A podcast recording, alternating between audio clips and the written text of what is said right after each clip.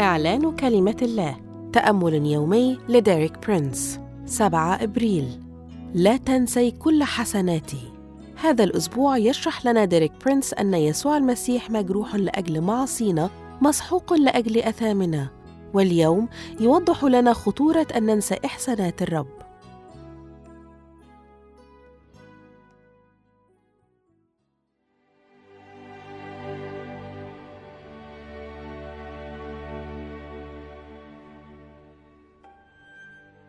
يقول في مزمور 103 العدد واحد واثنين باركي يا نفس الرب وكل ما في باطني ليبارك اسمه القدوس.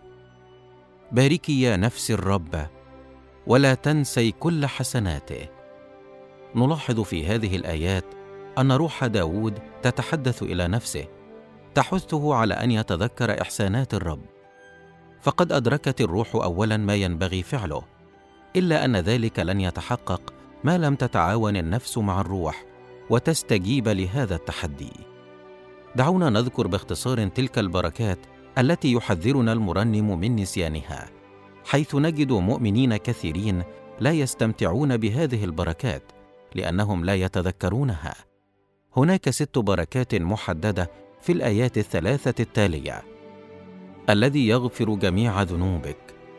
الذي يشفي كل أمراضك الذي يفدي من الحفرة حياتك الذي يكللك بالرحمة والرأفة الذي يشبع بالخير عمرك فيتجدد مثل النسر شبابك.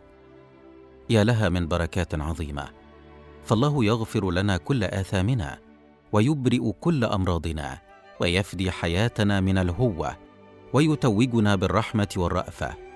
يشبع الله عمرنا بالخير فيتجدد شبابنا كالنسر. وأنا أعتقد أن هناك ارتباطا وثيقا بين يشبع بالخير عمرك وبين يتجدد مثل النسر شبابك. فليس مشيئة الرب أن يعاني المؤمن في شيبته بالطريقة التي يعاني بها أهل العالم.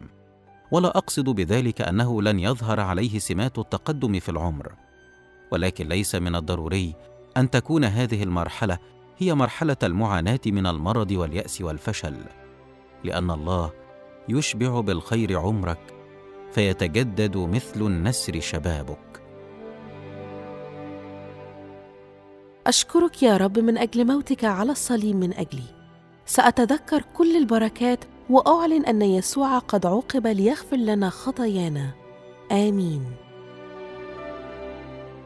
للمزيد من الكتب والعظات لديريك برينس قم بزيارة موقعنا www.dpmarabic.com